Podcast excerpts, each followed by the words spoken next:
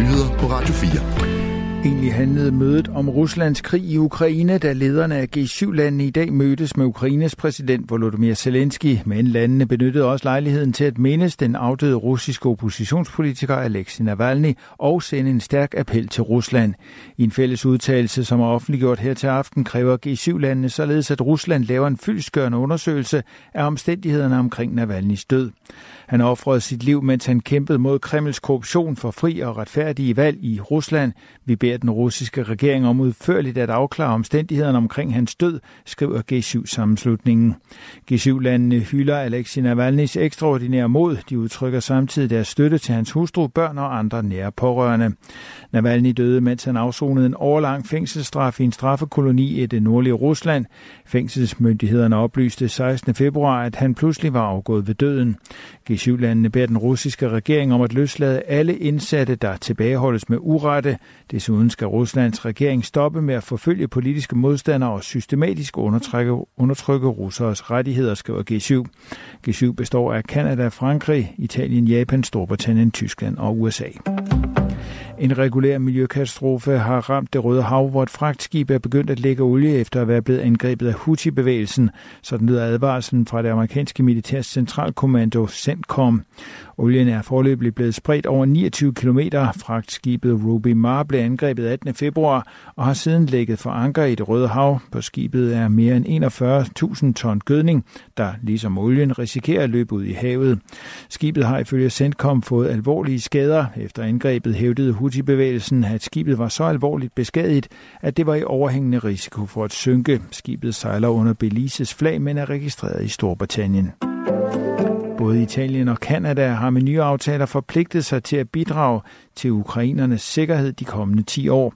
Den italienske premierminister Giorgia Meloni og Ukraines præsident Volodymyr Zelensky har således her til eftermiddag underskrevet en sikkerhedsaftale i den ukrainske hovedstad Kiev. Også Kanadas premierminister Justin Trudeau har indgået en 10-årig sikkerhedsaftale. Det skriver nyhedsbruget Reuters. Giorgia Meloni og Justin Trudeau er på besøg i Kiev i anledning af toårsdagen for Ruslands invasion af Ukraine. I forvejen har Danmark, Tyskland, Frankrig og Storbritannien givet tilsavn om at ville støtte Ukraine de næste 10 år.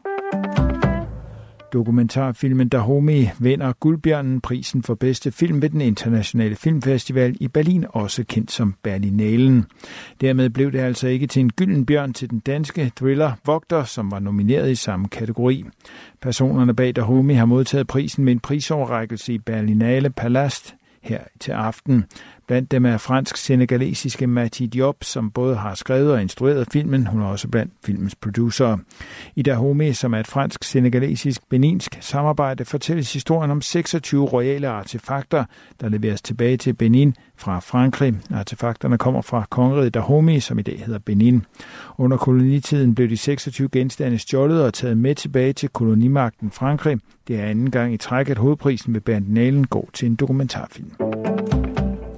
Jonas Vingegaard fortsætter sin magtdemonstration i det spanske etabeløb O Gran Camino. Den danske Tour de France-vinder kørte for anden dag i træk først over målstregen og vandt tredje etape.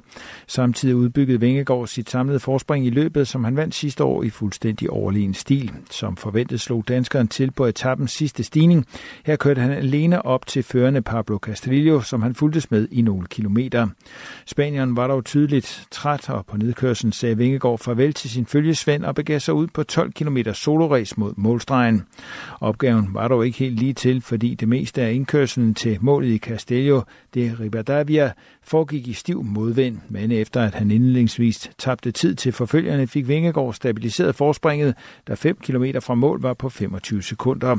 På det tidspunkt opgav rytterne bagved til Sydland at fortsætte jagten, og der kunne kun uheld fra Vestre Vingegaard endnu en etappesejr.